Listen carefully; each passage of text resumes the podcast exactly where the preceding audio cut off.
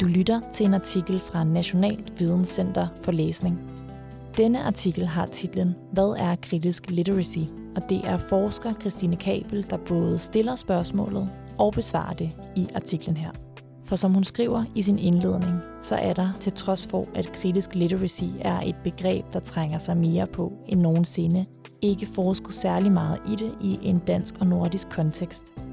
Digitaliseringen den har skærpet vigtigheden af, at børn og unge lærer at omgås tekster kritisk, og herunder altså også informationer genereret skriftsprogligt af kunstig intelligens som ChatGPT. Men bladrer man efter begrebet kritisk literacy i det aktuelle faghæfte for dansk for grundskolen, så kan man gøre det forgæves. Leder man i kun efter ordet kritisk alene, så finder man det hele 51 gange i faghæftet. Der står blandt andet, at læseundervisning kan omfatte kritisk refleksion over teksters forbindelse til egen og andres livsverden, samt kritisk stillingtagen til udsagn og budskaber i tekster i relation til den sammenhæng, de optræder i. Kritisk literacy er altså blevet en del af læreplanerne. Men hvad vil det egentlig sige at være kritisk, når man arbejder med tekster i danskfaget? Det undersøger Christine Kabel. Artiklens første afsnit hedder Frihed eller ufrihed. Tilbage i 2014 skrev den norsk didaktiske forsker Sylvie Penne om skolen, at skolen kan aldrig gøre børnene fri, men lære dem at leve med en vis form for ufrihed, det vil sige lære dem institutionelle og normative spilleregler. Hun fortsatte, at på den måde vil børn gradvist blive mere bevidste om, hvad der tæller, altså skolens spilleregler, og om egne muligheder inden for denne logik. Skolen kan altså ikke gøre eleverne fri, eller i hvert fald ikke bidrage til frigørelse umiddelbart. Som i alle andre kontekster gælder normer. Det er på den ene side en banal konstatering, men på den anden side punkterer Pennes udsagn her på sin vis en ideologisk forestilling forbundet med kritisk literacy – for undervisning i kritisk literacy i skolen vil ofte være begrundet i et ønske om at støtte elever i at forholde sig reflekteret til magtfulde måder at vide og kommunikere på. Og denne undervisning vil ofte også være båret af et ønske om at sætte eleverne i stand til potentielt at kunne kritisere og medforandre disse måder at vide og kommunikere på, og som en del af det udvikle egen stemme og bevidsthed om eget afsæt – det har betydning i skolen, og principielt set også for børn og unges liv uden for skolen og i et livsperspektiv. For eksempel i familien, klubben, på ungdomsuddannelsen, arbejdspladsen og i politisk arbejde. Kritisk literacy er med andre ord ofte forbundet med en idé om frigørelse, emancipation og lige adgang til og mulighed for at forme eget liv og de kontekster, vi alle hver især indgår i. Begrebet det bygger på en antagelse om, at tekster i bred forstand, altså skriftlige, mundtlige og multimodale, aldrig er neutrale, og at de har betydning for relationer mellem mennesker og for, hvordan vi agerer i vores liv. Tekster kan for eksempel medskabe, fastholde, men også ombryde magtforhold. Afsnit 2. Didaktik.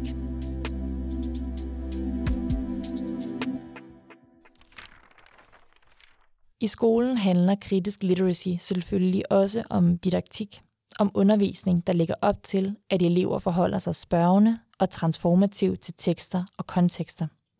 Derfor vil undervisning i kritisk literacy, som al anden undervisning, betone bestemte måder at gå til tekster og deres kontekster på, og derved etablere normer eller spilleregler for, hvordan elever deltager på værdsatte måder, når det handler om receptive og produktive aktiviteter – handler en undervisning om at digte videre, associere til eget liv, udpege undertrykkende diskurser i et digitalt spil, en politikers TikTok-video eller i en novelle. Selv undervisning i kritisk literacy kan altså komme til at repræsentere ufrihed for det enkelte barn, fordi noget vil tælle mere end andet. Eller formuleret mere positivt af literacy-forskerne Rebecca Rogers og Catherine O'Daniel, så ligger det i begrebets natur, når vi snakker skole, at kritisk literacy må modsætte sig en definition og kategorisering. Men, som de pointerer, er der alligevel etableret nogle tydelige traditioner, som er med til at definere, hvad kritisk literacy er. I resten af artiklen fokuserer Christine Kabel på to af disse traditioner, delvis sammenflættende, der har været med til at forme, hvordan kritisk literacy er blevet grebet an i undervisningssammenhængen. Den ene tradition har afsæt i kritisk pædagogik, og den anden i lingvistiske og tekstorienterede teoridannelser. Allerførst afklarer hun dog kort literacy-begrebet, der jo i øvrigt og værd at bemærke er et engelsk begreb. På dansk kan det derfor optræde som for eksempel kritisk læsning eller skrivning, som vi for eksempel så det i faghæfte for dansk. Afsnit 3. Fra literacy til literacies.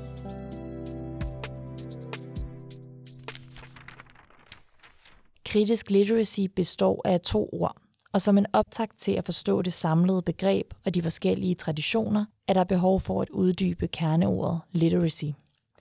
Sociolingvisten Brian V. Street skældnede for flere årtier siden mellem en autonom og en ideologisk forståelse af literacy. Autonom brugte han til at betegne den indtil da dominerende tilgang til læsning og skrivning, nemlig en tilgang, hvor læsning og skrivning blev betragtet som isolerede og til dels alene tekniske og kognitive færdigheder. Ideologisk brugte han til at betegne en tilgang, han også selv argumenterede for. En tilgang, der i tillæg til den autonome også forstod og undersøgte literacy som et kulturelt fænomen, det vil sige som encapsulated within cultural holds and within structures of power.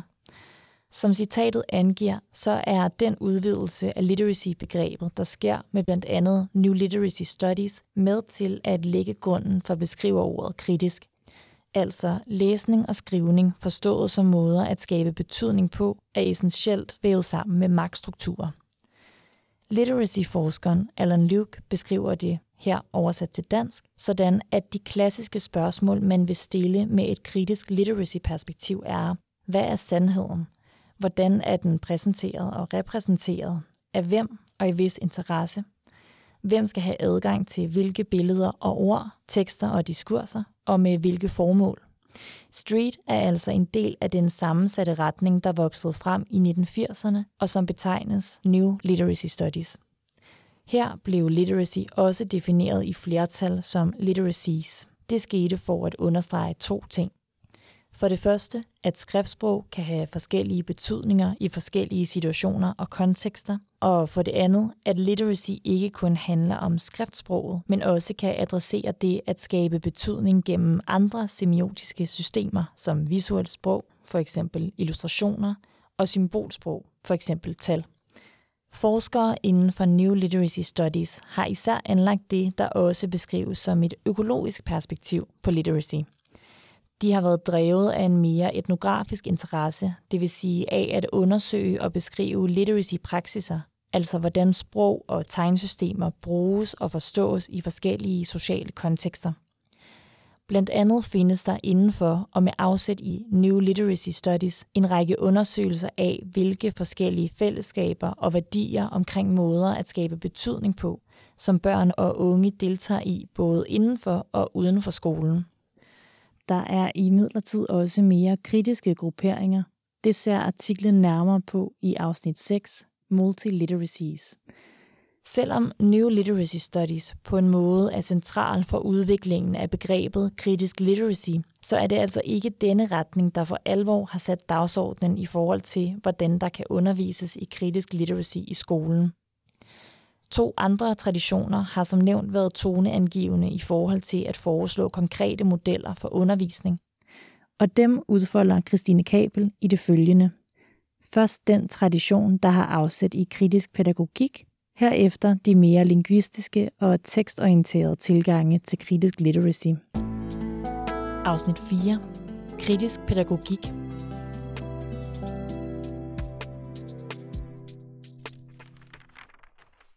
Paulo Freire og Donaldo Macedo udgav i 1987 en bog, hvis titel næsten er blevet et slagord, også på grund af en poetisk prægnans. Titlen er Literacy, Reading the Word and the World. Gennem at læse og skrive ord, så læser og skriver vi også verden. Freire var forankret i Frankfurterskolens kritiske teori, som han omsatte til pædagogisk teori – en kritisk literacy-undervisning i den tradition handler om at rejse problemstillinger med afsæt i for eksempel ulige materielle forhold i elevernes egen omverden, og så lade eleverne undersøge egen position og få en stemme gennem fortællinger, tegninger, sange og andre repræsentationer af sagen. Herefter at støtte elever i at udforske diskurser ved som en del af undervisningen at lade dem gå i dialog om forandringsmuligheder og om, hvordan der kan handles på problematikken. I det arbejde indgår også udvikling af ordforråd knyttet til problemstillingen, ligesom der indgår læsning og skrivning i bred forstand. Freire og Marcelo arbejdede i Brasilien, hvor fattigdom i slumområder, favelaer, var markant. I Norden har blandt andre Atle Skafton og Margrethe Søndeland trukket på denne tradition ved at pege på, at den udfordrende litterære tekst kan udgøre et problem eller en problemstilling, som kan ligge op til, at elever udvikler en stadig mere kritisk og bevidst læsning i første sprogsfag som norskfaget og for eksempel danskfaget i Danmark. Centralt for kritisk literacy med afsæt i kritisk pædagogik står et ønske om at lade elever handle i verden, gå imod ulighed og undertrykkelse og skabe ny viden gennem produktive aktiviteter frem for viden reproduceret til skolen. Tilgangen er imidlertid også kritiseret særligt fra mere lingvistiske positioner. Problemet er, lyder det for eksempel, at der i dette bud på en didaktisk tænkning mangler et mere specifikt fokus på, hvordan der kan arbejdes med teksters kompleksitet. For eksempel mangler der et bud på, hvordan undervisning kan støtte børn og unge i at udvikle en sproglig og diskursiv indsigt og formuleringsevne, som er nødvendig for at kunne få øje på, håndtere, medforme og sætte ord på de magtrelationer, der er i spil i vores udveksling af betydning gennem tekst. Afsnit 5. To modeller for en kritisk dimension ved literacy. Vender vi derfor blikket mod de teoridannelser, der henter inspiration fra lingvistikken og især socialsemiotikken, så har de et større fokus på, hvordan tekster former indhold og afspejler og medskaber kontekstuelle forhold. De trækker i større eller mindre grad på lingvisten M.A.K. Halliday og hans systemisk funktionelle lingvistik, som udvikles fra 1960'erne og frem. Centralt her er en forståelse af sprog som en ressource for udveksling af betydning. Undervisning handler om at udvikle et repertoire af sproglige ressourcer og derigennem viden. Literacy-forskeren Alan Luke har sammen med Peter Freebody udviklet en model, der hedder The Four Resources Model i en australsk kontekst. Modellen understreger, at udover at tilegne sig afkodningsfærdigheder og forståelsesstrategier, så har man som læser og skriver også brug for at udvikle sig som tekstbruger og tekstanalytiker i skolen. Det sidste handler blandt andet om at kunne undersøge, hvordan tekster positionerer os. I modellen taler de ikke direkte om kritisk literacy, men implicerer det. En anden australsk literacy-forsker, Bill Green, understreger i sin model, 3D-modellen, at literacy består af tre dimensioner, der altid må rettes opmærksomhed mod i undervisning. Det er den kritiske, den operationelle og den kulturelle dimension.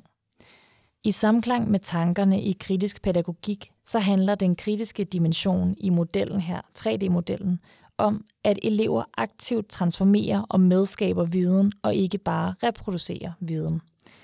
Den kritiske dimension er i 3D-modellen uløseligt knyttet sammen med den operationelle dimension, at undervisning støtter elever i at udvikle ressourcer til at læse og skrive på passende måder i en række kontekster.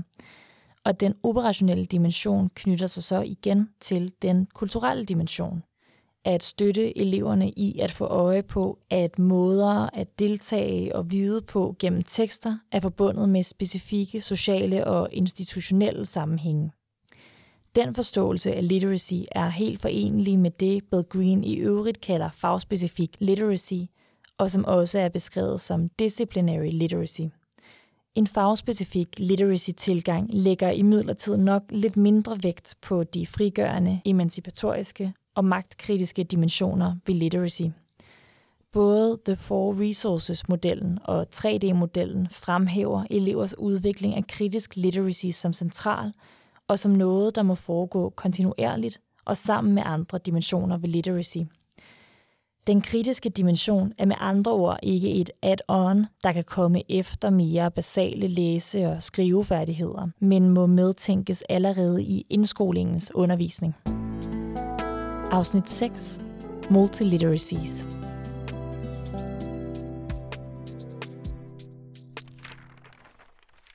Samtidig med og delvist som en del af New Literacy Studies opstod en gruppe ved navn The New London Group. The New London Group udgav et centralt pædagogisk kampskrift i 1996 med titlen A Pedagogy of Multiliteracies. De lagde særlig vægt på literacies i flertal og den del, der handler om flere tegnsystemer eller multiliteracies. Gruppen talte blandt andre dialogiske klasserumsforskere som Courtney Kasten, socialsemiotiske multimodalitetsforskere som Gunther Kress og kritisk diskursanalytiske forskere som Norman Fairclough. De pegede på skolen som et sted, der i sig selv regulerer adgang til viden og magt, og de foreslog en ny didaktik, der matchede et forandret samfund op mod årtusindskiftet. På arbejdspladsen må man selv forhandle og forholde sig kritisk til arbejdsforhold. Man indgår i en divers offentlighed med flere mulige gruppetilhørsforhold, og børne- og ungdomskulturen er blevet global og multimodal. I skolen, argumenterede de, kan elever ruste til det samfund gennem en undervisning, der blandt andet handler om at udvikle et metasprog og om critical framing, hvor elever skal forholde sig fortolkende til teksters sociale og kulturelle kontekster. I en undervisning om for eksempel nyhedsreportager kan det handle om, at elever analyserer sproglig stil og digital layout i forskellige medier og fortolker det i forhold til målgrupper. For at understrege det multimodale, men også den enkelte elevs medskabende rolle i for eksempel læsning og skrivning, brugte gruppen betegnelsen Designs of Meaning i stedet for tekster. Terminologien føres videre i Faircloughs kritiske diskursanalyse, der i øvrigt også er beskrevet som en politisk afledning af Hallidays systemisk funktionelle lingvistik. Den pædagogiske omsætning af kritisk diskursanalyse samles i begrebet Critical Language Awareness, hvor sprog også kan være for eksempel visuelt sprog. Fra en sydafrikansk kontekst har Hilary Jenks udviklet et konkret bud på en didaktik, der kan støtte elevers udvikling af en sådan opmærksomhed, og som blandt andet består af tre aktiviteter. Design, kritik og redesign. Det vil sige en gentagende bevægelse mellem at designe betydning, altså læse og skrive tekster, forholde sig kritisk og skabe nye betydninger gennem redesign. I 2009 udtalte James blandt andet her oversat til dansk, at i den verden, jeg lever i, peger et kritisk engagement med de måder, vi producerer og forbruger betydning, med hvis meninger, der tæller og hvis der afvises, med hvem der taler og hvem der gørs tavse, hvem der får muligheder og hvem der ikke gør, fortsat på vigtigheden af uddannelse i kritisk literacy og ikke mindst kritik. Syvende og sidste afsnit. Velfærdssamfund.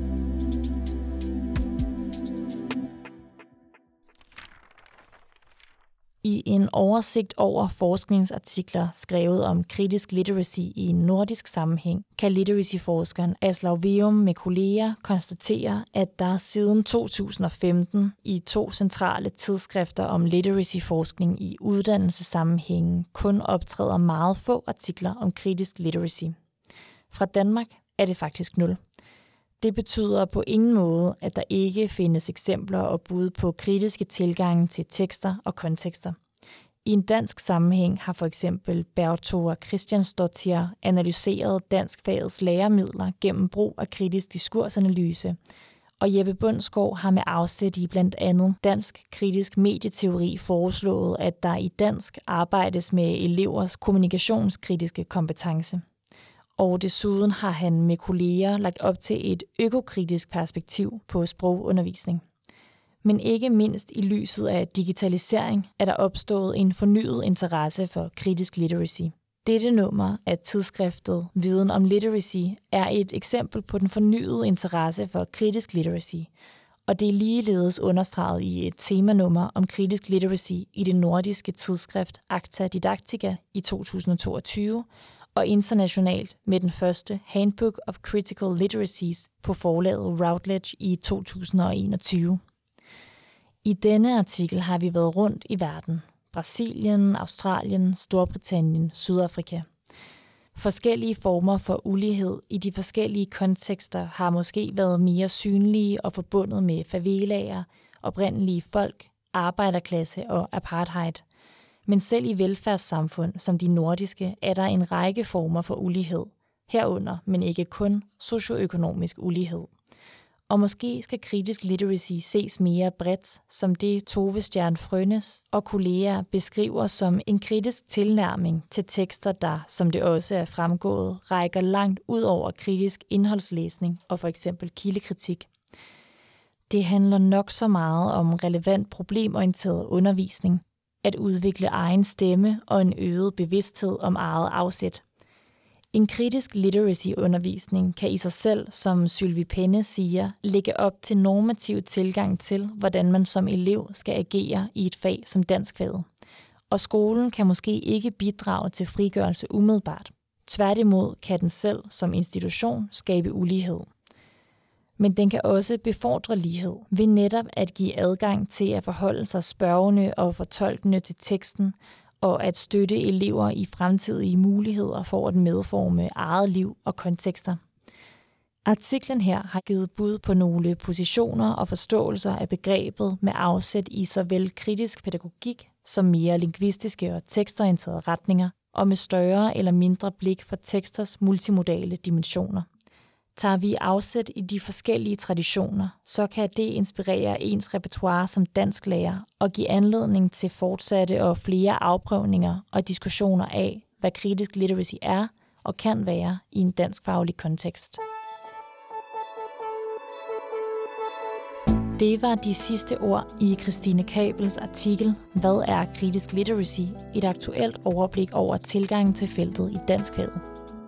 Artiklen findes også i en skriftlig udgave i tidsskriftet Viden om Literacy nummer 34 på hjemmesiden videnomlæsning.dk, og det er læsning stavet med AE i stedet for et A.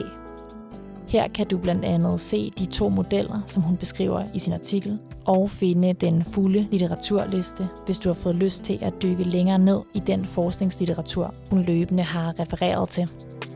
Tak fordi du lyttede med.